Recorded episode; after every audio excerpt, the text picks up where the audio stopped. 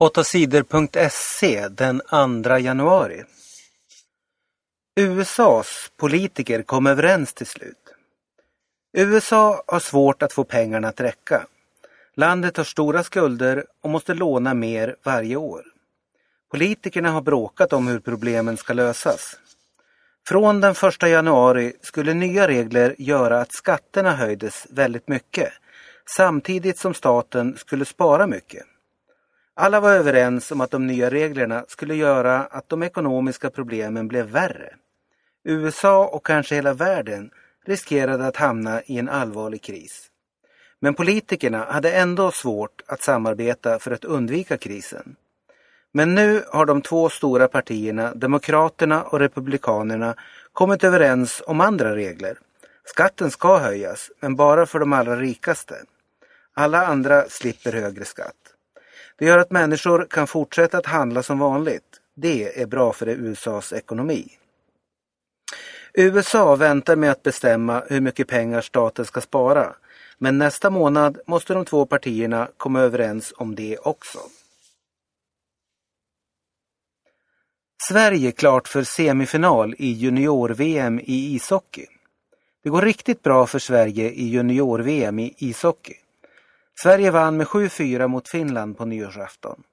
Den segern betyder att Sverige är klart för semifinal.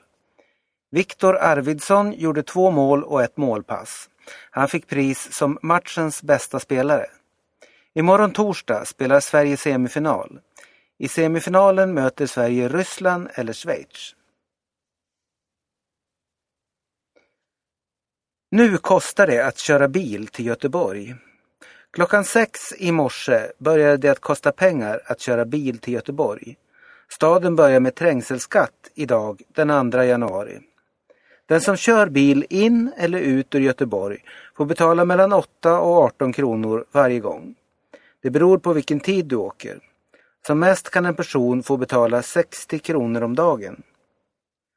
Politikerna i Göteborg hoppas att färre bilar ska köra i staden när det kostar pengar. Då blir det mindre bilköer och bättre luft i staden. Stockholm har haft biltullar i åtta år. Där har det blivit färre bilar på gatorna i staden. Minst 60 döda i nyårsfirande i Elfenbenskusten. På nyårsafton var det stor fest på en idrottsarena i Abidjan i landet Elfenbenskusten. Massor av människor hade kommit för att lyssna på den amerikanske artisten Chris Brown.